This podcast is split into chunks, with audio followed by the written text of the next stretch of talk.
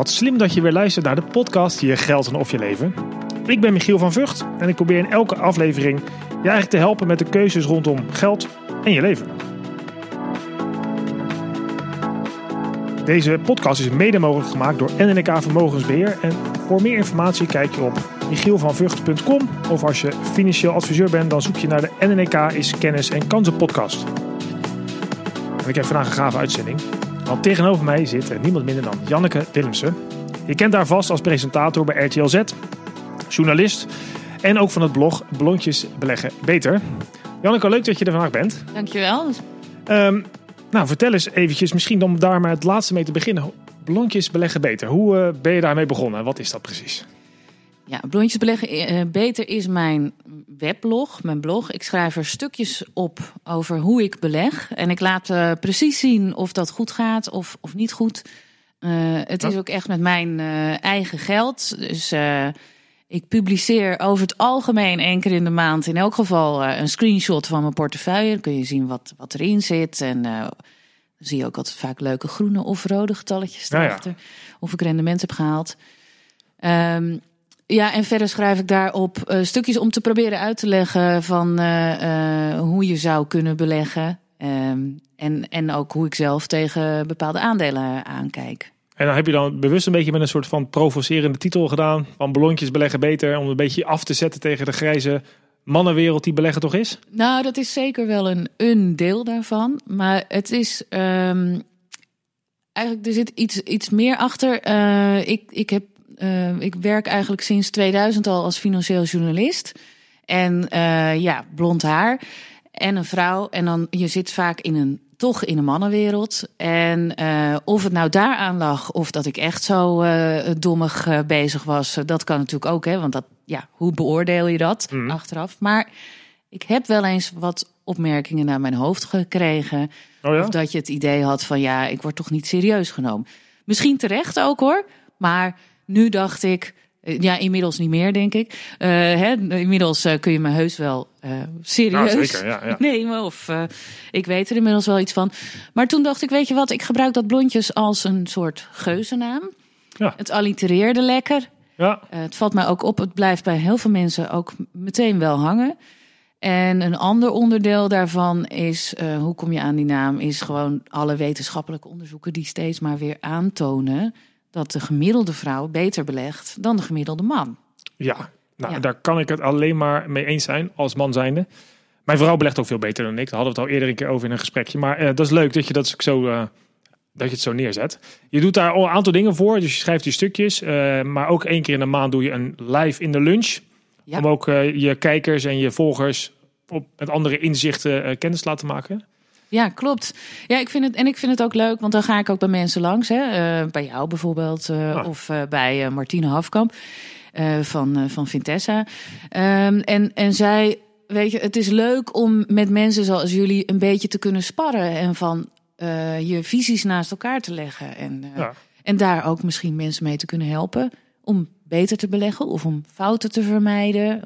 ja misschien te zeggen, begin er helemaal niet aan. Hoewel wij allebei wel vinden dat je uh, toch wel in ieder geval voor een deel zou moeten beleggen. Ja, ja zeker. Ja. Ja, ja, dat, eh, we hadden het net inderdaad over. We zaten net live in de lunch. En ja, ik denk ook precies wat jij zegt. Iedereen moet beleggen. En kun je beter maar goed doen. Um, jij zit al jarenlang in die financiële wereld. Je hebt er heel veel. Uh, je doet veel dagvoorzitterschappen. Dus je spreekt ook daarmee automatisch heel veel mensen vanuit een onafhankelijke rol.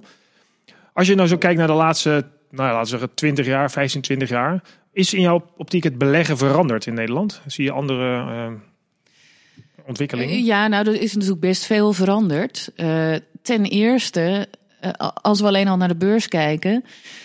toen ik begon met werken, mijn eerste baan was op een economieredactie. En dat was in het jaar 2000. Ah. Dus toen klapte net de internetbubbel hè, in het begin van ja. mijn carrière.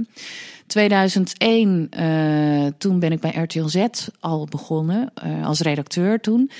Ja, en, en die zender is natuurlijk mede opgericht doordat het in alle jaren daarvoor eigenlijk zo geweldig ging op de beurs. Ja. Er was heel veel belangstelling voor. Iedereen belegde. Uh, als je maar uh, een, uh, een vaag internetbedrijf met een hoge burn rate kocht, dan zat je wel goed, dan werd je rijk. En, en in die gekte was er natuurlijk heel veel belangstelling voor beleggen. En begon iedereen er ook aan. Helaas, ook voor RTL Z was dus op het moment dat dat de zender echt begon, klapte dus die, die Ja, bubbel. nogal, ja. ja. Nou, en als je dan terugkijkt, dan eh, heb ik wel het idee dat, dat eh, mensen iets voorzichtiger zijn geworden. En dat is ook denk ik alleen maar goed. Dat je iets meer nadenkt. Hoewel, als je nu kijkt naar bijvoorbeeld eh, de hype die er recent nog was, in ieder geval over eh, cryptomunten. Ja, ja, ja, zeker. Ja, dan zou je kunnen zeggen, hebben we niets geleerd met z'n allen. Maar waarschijnlijk zijn dat ook veel mensen die uh, in het jaar 2000 en, en 2007, 8 uh, tijdens de kredietcrisis er nog niet waren. Of nog niet bewust Nee, met precies, geldzaken ja. bezig waren. Nou, dat zijn misschien wel veel jongeren nog die dan nu pas de eerste echte beleggingservaring krijgen dan in die, in die crypto's misschien. Maar Ja. ja, Nou ja, en iets Ja. anders wat natuurlijk echt veranderd is, is dat uh, in, in 2000 was het nog enigszins ingewikkeld om een uh, beleggingsrekening te openen en daar zelf mee aan de gang te gaan. Dat begon toen net op te komen. mhm. En nu is het zo eenvoudig met internet en apps op je telefoon. Ja, dat uh, voor particulieren is het, is het eigenlijk zo toegankelijk op het ogenblik. dat is eigenlijk wel het goede nieuws. Hè? Want eh, wij hadden het zelf wel eerder over dat eh, iedereen moet wel beleggen. Vanwege alle eh, veranderingen in onze maatschappij rondom pensioen en zorg en woningen en studies en dat soort dingen. En je moet dus eigenlijk wel beleggen om vermogen op te bouwen. En dus dat, dat is eigenlijk een goede ontwikkeling, dat het toegankelijker wordt. Ja. Ja. Wat me wel opvalt is, uh, ik zou het iedereen zo toewensen om toch te beginnen met beleggen, hè, maar voor de lange termijn om Ja. vermogen op te bouwen. En, en wat ik vaak merk in reacties ook uh, naar mij toe en naar mijn eigen portefeuille. Ik beleg dan in individuele aandelen, maar is dat mensen zo uh, op zoek zijn naar het allerhoogste rendement en Oh ja. eigenlijk in, in die zoektocht uh, het meeste risico ook gaan nemen. Enorm geraakt worden als er een keer iets verkeerd gaat. Uh, en dan bijvoorbeeld helemaal niet beginnen of een beetje boos op mij worden omdat ik zeg begin toch maar. Ja, ja precies. Ja. Ja. ja, terwijl ik, ik zou. Hè, er zijn ook allemaal van die boeken over uh, Automatic Millionaire bijvoorbeeld. Als je maar iedere maand een bepaald bedrag inlegt en dat lang genoeg doet, of je doet het voor je kinderen, dan uiteindelijk krijg je dat bedrag bij elkaar. Dan ben je gewoon miljonair. ja, absoluut. Ja, ik, ik zou willen dat ik dat uh, iets eerder tot me had laten doordringen. Echt waar. hè? We hadden het ook al eh, in jouw eh, lunchgesprek hadden we het over de, jij zei over de exponentiële groei. Eh, dat dat heel belangrijk is als je dat snapt. En ik weet nog dat Einstein ooit zei, die had dat compound interesting al bedacht. En die zei, als, als je het snapt, dan verdien je het ook.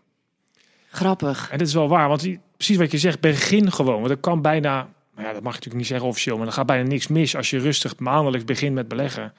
Ja, dan moet er echt wel de wereld instorten, wil je je Ja. geld kwijtraken. Zou Johan Cruijff het van hem hebben trouwens? Want die zei toch, uh, als je het snapt, dan ga je het zien. Ja, precies. Ja. Ja. Nou ja, alle genieën denken denk, ik- denk ik misschien een beetje gelijk. Ja. Ja. ja, dat is wel waar wat ik zeg. Je gunt eigenlijk iedereen gewoon dat inzicht dat ze maar moeten beginnen. ja, weet je, ik kan me nog herinneren, ik ben ook in het jaar 2000, uh, maar toen wist ik dus helemaal niets van beleggen. Uh, maar toen ben ik begonnen um, met een beleggingsfonds. Je kreeg toen van verschillende banken altijd folders in de bus. Oh ja, ja. Uh, voor beleggingsplannen. Uh, volgens mij heten ze dan weer niet beleggingsplan, maar iets van uh, het Huppel de Pub spaarplan. Maar uiteindelijk, later bleek, ja, dan beleg je.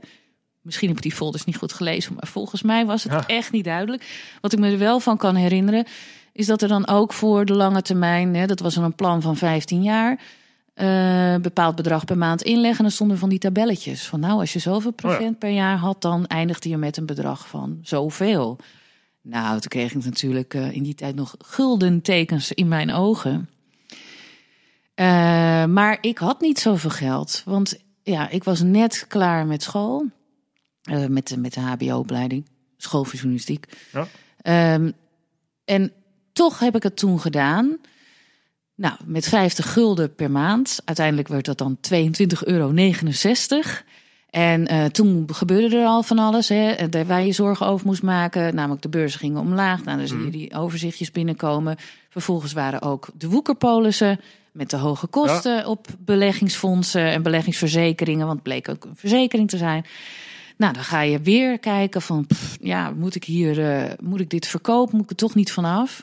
En ik ben uiteindelijk zo blij dat ik toch besloten heb om dat niet te doen. Oh, heel goed.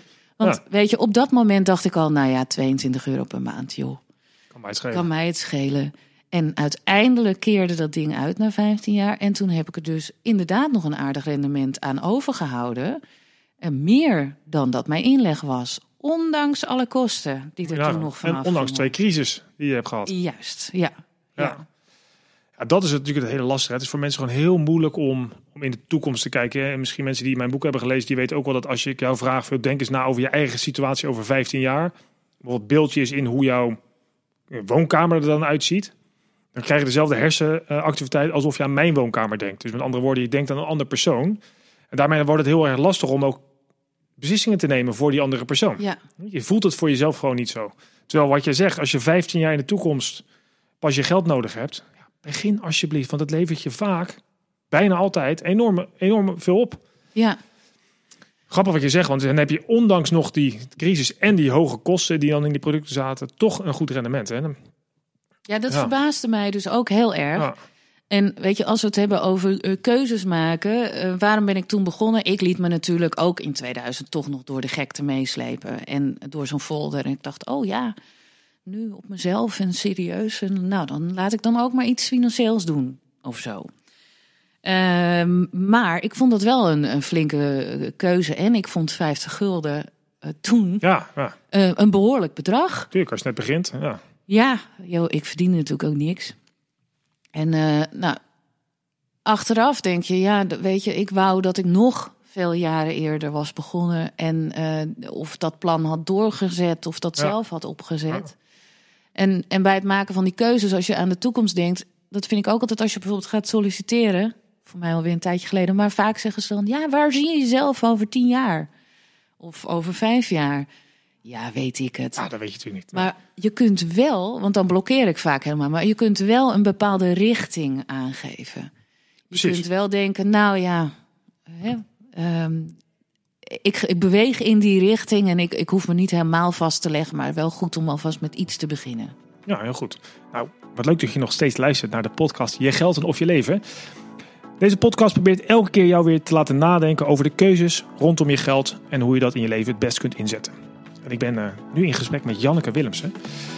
En eh, Janneke, jij vertelde mij voordat we hier aan de opname begonnen dat je ook nogal, waar het net een beetje mee afsloot, over de keuzes, financiële keuzes. En dat je iets met potjes doet. Kun je daar eens wat over vertellen hoe jij dat eh, hebt ingericht of hoe je daar eh, mee omgaat nu? Ja, ik heb daar zelf last van dat ik kan blokkeren op het moment dat er heel veel keuzes of heel veel is om uit te kiezen. En dat geldt dus ook voor financiële keuzes. Op het moment, ik merk trouwens ook dat andere mensen dat hebben om mij heen. Op het moment dat je wat geld over hebt en je moet gaan denken, ja, moet ik daar nou eh, mijn hypotheek mee aflossen? Moet ik dat eh, op een spaarrekening zetten? Moet ik het in een beleggingsfonds of een eh, ETF stoppen? Ehm, moet ik het toch niet in de, in de auto steken? Ja, weet je, of moet ik er zelf in individuele aandelen mee gaan beleggen? Of een pensioenproduct bijvoorbeeld, wat ja. dan ook nog fiscaal gunstig is. Dan eh, je gaat het allemaal, dan wordt het één kluwe, één weerwar van mogelijkheden. Daar kom ik, ik dan in elk geval niet uit. En het heeft mij ook lang gekost want ik da- eh, om daar wel uit te komen. Omdat uiteindelijk drong het tot me door. Ja, je, er is niet één beste keuze. En niemand kan zeggen van eh, waar rendeert mijn euro nu het beste de komende tien jaar. Nee.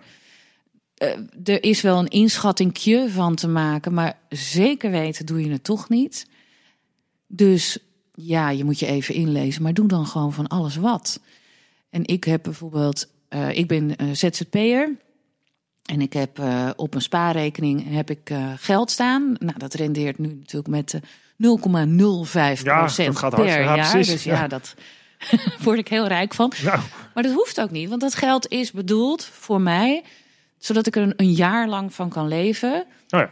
Eh, maar dan moet ik even niet uit eten gaan. Hè? Dus dat wordt dan een beetje boterhammetjes met pindakaas en geen nieuwe kleren. Maar stel dat niemand mij meer wil inhuren, dan heb ik dat bedrag. Dan hoef ik in ieder geval een jaar lang niet mijn huis uit. Nee, precies. Eh, dan kan ik de hypotheek nog blijven betalen. Eh, dat geeft mij heel veel rust. Nou, dat is één. Ja. Dan kunnen mensen zeggen, ja, daar verdien je niks aan. Nee, dat klopt. Maar ik kan het wel meteen opnemen als ik het nodig heb. Dus dat geeft mij rust. Heel veel rust. Ja, snap ik. Ja. Eh, daarnaast ben ik toen begonnen met beleggen. In 2013 dan met serieus geld voor mij. Omdat ik ook weinig pensioenopbouw heb. Dat is één hè, doel Ja. met, met mijn blonde beleggingsportefeuille. Eh, maar het tweede doel met dat geld is eigenlijk dat, het, ja, dat ik het gewoon heel leuk vind... om zelf in individuele aandelen te beleggen... en betrokken te zijn bij beursgenoteerde bedrijven. Mhm. Eh, en pas toen ik dat had gedaan, toen ben ik eh, een fiscaal gunstig pensioenproduct gaan aanschaffen. En toen belandde ik eigenlijk weer in. Oh mijn god, ik had er twee. Eh, welke was nou goedkoper en wie belegde er dan beter? Weet je wel, helemaal erin duiken. Ja, ja, welke precies, ja. ETF stappen ze dan en wat zijn de kosten? En ik kwam er bijna niet uit. En op een gegeven moment heb ben ik jij nog, een, eh, dan heb jij nog kennis van zaken, moet je nagaan. Ja, Ja. en op een gegeven moment heb ik mezelf echt aan mijn kraag over die drempel gesleurd en gedacht: eh, ze zijn allebei goed, eh, ik neem die. En sindsdien beleg ik daar dan 300 euro per maand. En dat is fiscaal Fiscale gunstig. ruimte, ja, precies. Ja. En dan heb ik dus, als het goed is, op het moment dat ik ooit nog eens met pensioen zou kunnen, dan, dan zou dat ook wel een aardig bedragje kunnen opleveren. Ja. Ja. Ja, zo, ja, dat is wel grappig, want je ziet wat jij zegt, hè, de keuzestress is dan ook iets is heel, heel normaal. Dat als je heel veel keuze hebt, kun je eigenlijk geen keuzes maken. Dus je Nee. moet het eh, voor jezelf kaderen. En rondom financiën maakt het nog lastiger, omdat je A, de impact niet kunt overzien van vaak wat het nou eigenlijk is. Eh, nu niet, maar ook niet in de toekomst. Veel mensen die luisteren hebben helemaal geen kennis van zaken. Dus hoe, hoe kies je dan? Dat maakt het heel erg lastig. Dat is ook natuurlijk de reden dat wij altijd zeggen bij NNK Vermogensbeheer. Zoek vooral een adviseur die niet per se voor jou, de, zeg maar, eh, ehm, die niet per se alles beter weet, maar je wel kan helpen bij je keuzes. Dat is wel vaak heel prettig. Ja. En ook wel goed wat je doet. En dat is ook wel heel grappig dat je eh, een aantal potjes hebt gecreëerd. En Richard Thaler, de Nobelprijswinnaar, die heeft daar ook wat over gezegd. Dat aan de ene kant is het heel slim, het is heel menselijk om van die potjes te creëren. Omdat je dan denkt, nou deze pot, die laat ik staan voor het geval ik inderdaad even geen werk heb. En dan ga je een ander potje creëren, terwijl het in essentie allemaal dezelfde euro's zijn natuurlijk. Dus het is Ja. vaak vanuit ratio-perspectief denk je, het is zonde, want je betaalt drie keer kosten voor een bankrekening in plaats van één keer. Ik doe maar iets. Of ja, weet je, kan je het niet veel beter inrichten. Alleen blijkt dat mentaal mensen veel betere keuzes maken als ze die potjes gewoon vasthouden. Je gaat niet van jouw buffer op vakantie. Je denkt, nee, nee, dat geld is voor als ik even geen werk heb. Dus dan Ja. ga je apart sparen voor een vakantie, terwijl je het geld al lang hebt. Dus, eh, maar Nou, eigenlijk, dat moet ik wel eerlijk zeggen. Dat, of eerlijk, maar dat moet ik wel zeggen. Dat die, die buffer, dat is gewoon, eh, die groeit bij mij. En daar ga ik dan ook van oh, op ga ik weer van vakantie. Maar je hebt wel een ondergrens hij weer waarschijnlijk. een beetje. Ik heb een absolute Ja. ondergrens, ja. Ja. ja. Het is wel goed, dat werkt toch. Dat werkt, het houdt je, houdt je ook een beetje gedisciplineerd waarschijnlijk. Ja, ja en ik merk, eh, ik ben in de loop van de jaren wel meer gaan verdienen. Wat je bij veel mensen ziet, is dat ze dan ook groter gaan wonen en grotere auto's en Hm. eh, weet ik veel al. eh, hun, hun uitgaven groeien dan mee. Ja, dat is bij mij eigenlijk niet zo. Oké, dus daar hou je meer over. Ja, dus Ja. dan hou ik meer over. En dat doe ik ook wel bewust. Af en toe dan denk ik ook, nou kom op, nu mag je wel eens echt wat kopen. Eh, dus ik ben niet echt een kniert of zo, maar eh, eh, Bewust waarschijnlijk gewoon. ja, Je bent bewust. Bewust. ja. En weet je, bij mij speelt mee. Ik vind het leuk om de leuke kleren aan te hebben hoor, maar ik geef niks om design of ehm, ja, auto's. Dat boeit mij allemaal niet. Nee. Dus dan maakt het ook wel makkelijk voor mij. Hè? ja, ja, precies. Je, wordt niet, je gaat niet mee in de status en de gekte van de consumptiemaatschappij op zijn tijd. Je, kan je, voor, je kan het een beetje bij jezelf houden. Ja, je ik heb ook bijvoorbeeld niks met horloges. Weet je, het zijn mensen. Het, het vind ik ook leuk dat als je daar echt van kan genieten, lekker doen. Maar er zijn mensen die hele dure horloges hebben. Ik herken het niet eens. Nee, Je kan mij, eh, nou ja, je kan een Rolex naast een Hema horloge leggen en dan zie ik het ja. nog niet eens. ik heb mijn telefoon al met de tijd, zeg je dan, of niet? ja. Hey, en blondjes en beleggen beter. Is dat... eh, dus naast zeg maar dat je daar jezelf eh, heel open en transparant deelt hoe het met je eigen beleggingsportefeuille gaat. eh, wil je daar ook wel dus mensen inspireren om na te denken over hoe ze hun keuze moeten maken met hun geld? Hè? Ja, kijk, ik, ik had die onderzoeken gelezen van dat vrouwen het beter doen. Er is zo'n beursaap die het Ja. eh, 14 van de 18 jaar beter heeft gedaan dan de AIX bijvoorbeeld. Ik dacht, nou eens even kijken of ik, een blondje, het Ja, dan ook beter kan dan de gemiddelde eh, fondsmanager. En toen ik begon, dacht ik, nou, dat zal wel helemaal verkeerd gaan. En grappig genoeg ging het dus heel goed. En nu gaat het al eh, dus hè, bijna nou, ruim vijf jaar heel goed. Is het dan geluk of wijsheid? Ik denk altijd nog steeds geluk. Oh ja? Oh, ja, ja. Ik heb zelf voor mezelf iets van niemand weet het, dus ook ik niet. En ik doe mijn best om eh, me zoveel mogelijk zeg maar in te lezen, Mhm. maar ook in te leven in een bedrijfsmodel. Eh, zie ik daar een toekomst in? Wat vinden andere analisten ervan? Wat heeft de koers gedaan? Hoe is de waardering? Dus staat die koers ten opzichte van de winst hoog of laag? Ehm, en dan nog, je neemt een, maakt een geïnformeerde keuze. Maar of dat aandeel dan omhoog gaat, dat weet je nooit van tevoren. Dus ik probeer dan maar iets van spreiding aan te brengen. Eh, daar valt ook nog van alles af te dingen. Maar ja, ja, het gaat goed, maar ik denk dan, ja, hoe kan ik dat nou weten? Dat kan je van tevoren niet weten. Dus daarom zeg ik, eh, totaal toeval. Totaal toeval. Ja, dus en, en zeg je dan ook dat in algemeen, of kan je dan ook zeggen dat in algemene zin beleggen totaal toeval is? Of heb je met jouw ervaring toch wel van, nou ja, als je een structureel op een bepaalde manier belegt, ga je het altijd wel beter doen dan bijvoorbeeld die spaarrekening? Of Nou, er zijn natuurlijk wel eh, de principes waarmee je je risico kunt verkleinen. Eh, en ik vind trouwens bij, bij veel particuliere beleggers of consumenten hè, die nog niet beleggen, eh, klinkt het woord risico als eh, je kan al je geld verliezen. Maar het betekent ook gewoon eh, dat als jij eh, spreidt en meerdere aandelen in portefeuille hebt of meerdere beleggingscategorieën, dus naast aandelen ook vastgoed en ehm, eh, obligaties bijvoorbeeld, dat je het risico dat één dingetje in je portefeuille, als je al je geld in één ding hebt en dat gaat naar beneden, ben je inderdaad een groot deel van je geld kwijt. Ja. Vaak niet alles. klopt? Ja. Ja. Maar als je eh, dus eigenlijk je kansen spreidt, zo kan je het zeggen, dan eh, is vaak het gemiddelde rendement over alles wat je hebt ietsje minder hoog. Maar je haalt ook wat minder eh, de kans dat, dat je bijna alles kwijtraakt. Ja, de echte slechte periodes hou je er ook, uh, althans Ja. heb je wel, maar die worden minder heftig dan. Ja. Nee, dus er zijn totaal, hè, er zijn gewoon een paar van die basisdingen, namelijk spreiden, lage kosten, lange termijn, lang vasthouden. Ja. Dat zijn wel echt de succesfactoren Ja. voor succesvol beleggen. Maar, dat klopt, maar nu hebben we net eh, een, een, eind 2018 achter de rug, waar toch weer mensen, nou ja, werkt het wel? En eh, het, zat even tegen. Ja. Hoe gaat het dan bij jou? Kun je dat helemaal loslaten en eh, kun je zeg maar buiten jezelf treden, buiten je eigen emotie en gewoon denk ik doe het voor de lange termijn, ik hou mijn plan vast of Ja, dat is wel vreemd. Maar eh, dat geld wat in die portefeuille staat, zodra het daalt, dan voelt het al niet meer alsof het. eh, sowieso voelt het niet alsof het geld is, maar zodra het daalt, voelt het al helemaal niet meer alsof ik iets verlies. Oh nee? Nee, ik ben daar totaal van losgekoppeld. Het is heel gek. En eh, sterker nog, ik begin dan ook wel een beetje te giechelen. Nou ja, als de hele markt omlaag gaat, dan ga ik wel nadenken. oh, ik heb bijvoorbeeld alleen maar aandelen. Goh, wordt het niet eens tijd dat ik toch ook een andere beleggingscategorie ga aanschaffen? Maar dan denk ik weer, ja, weet je, dit is mijn geld. Dus ik mag het dan ook best in dingen stoppen die ik leuk vind. En obligaties begrijp ik niet zo. Nog steeds niet eigenlijk. Nee, dus zo, Ja. dan maar niet. Je doet niet wat je, waar je niet, wat je niet begrijpt, dat wil je liever niet opnemen in je portefeuille. Dat is eigenlijk wel logisch. Nee, liever niet. En eh, ook, eh, ik wilde toch een soort, eh, eh, ja, ik noem het dan maar emotionele binding mee hebben. Maar je zou kunnen zeggen, ik wil er een interesse voor hebben. Dus ik wil niet een bedrijf wat ik, waarvoor ik mezelf moet dwingen om dat te volgen. Nou, oké, precies. Je vindt het ook, moet het ook persoonlijk interessant genoeg vinden. Je moet, wat je net eigenlijk al zei, je moet je ook goed kunnen inleven in de koers.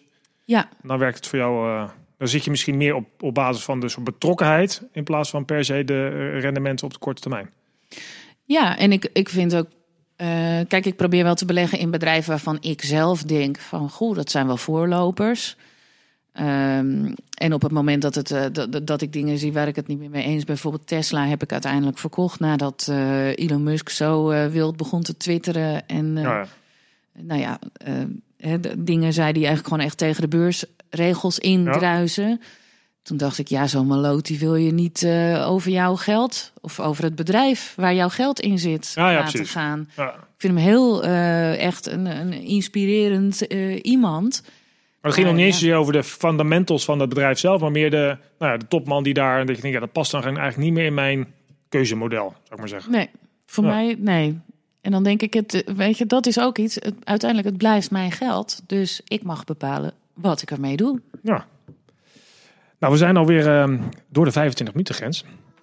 En ehm, dus ik wil eigenlijk vragen, heb je misschien nog voor de beginnende belegger of mensen die denken, ik moet, ik moet toch wat gaan doen? Heb je nog een tip, truc, een, een raad? Ja, het makkelijkste is toch, denk ik, om eh, maandelijks bijvoorbeeld een bepaald bedrag te gaan beleggen. Al is het 50 euro, is, al is het 100 euro. En stop dat dan in een eh, beleggingsfonds. Wel even kijken naar de, de kosten natuurlijk, dat die Mhm. niet te hoog zijn. Of in een ETF. En dan ben je meteen goed gespreid. En dan doorgaan. Altijd maar volhouden. Dan word je vanzelf rijk. Kijk, nou dat lijkt me een mooie eh, eindquote. Dan word je vanzelf rijk. Nou Janneke, hartstikke leuk. Dank je wel dat je vandaag in de uitzending wilde komen. En wil je nou meer informatie? Kijk dan in de show notes. Daar staat de link naar het eh, blog van Janneke en ook haar website. Eh, meer informatie over dit onderwerp vind je ook op Michiel van Vught met vugt.com. Ehm, zoals bekend, mijn doel is om 10 miljoen mensen te bereiken eh, en om hun te inspireren voor een betere financiële toekomst. Je kunt helpen door deze podcast te reviewen. Dus geef 1, 2, 3, 4 of 5 sterretjes bij iTunes of andere kanalen. Dankjewel en tot snel.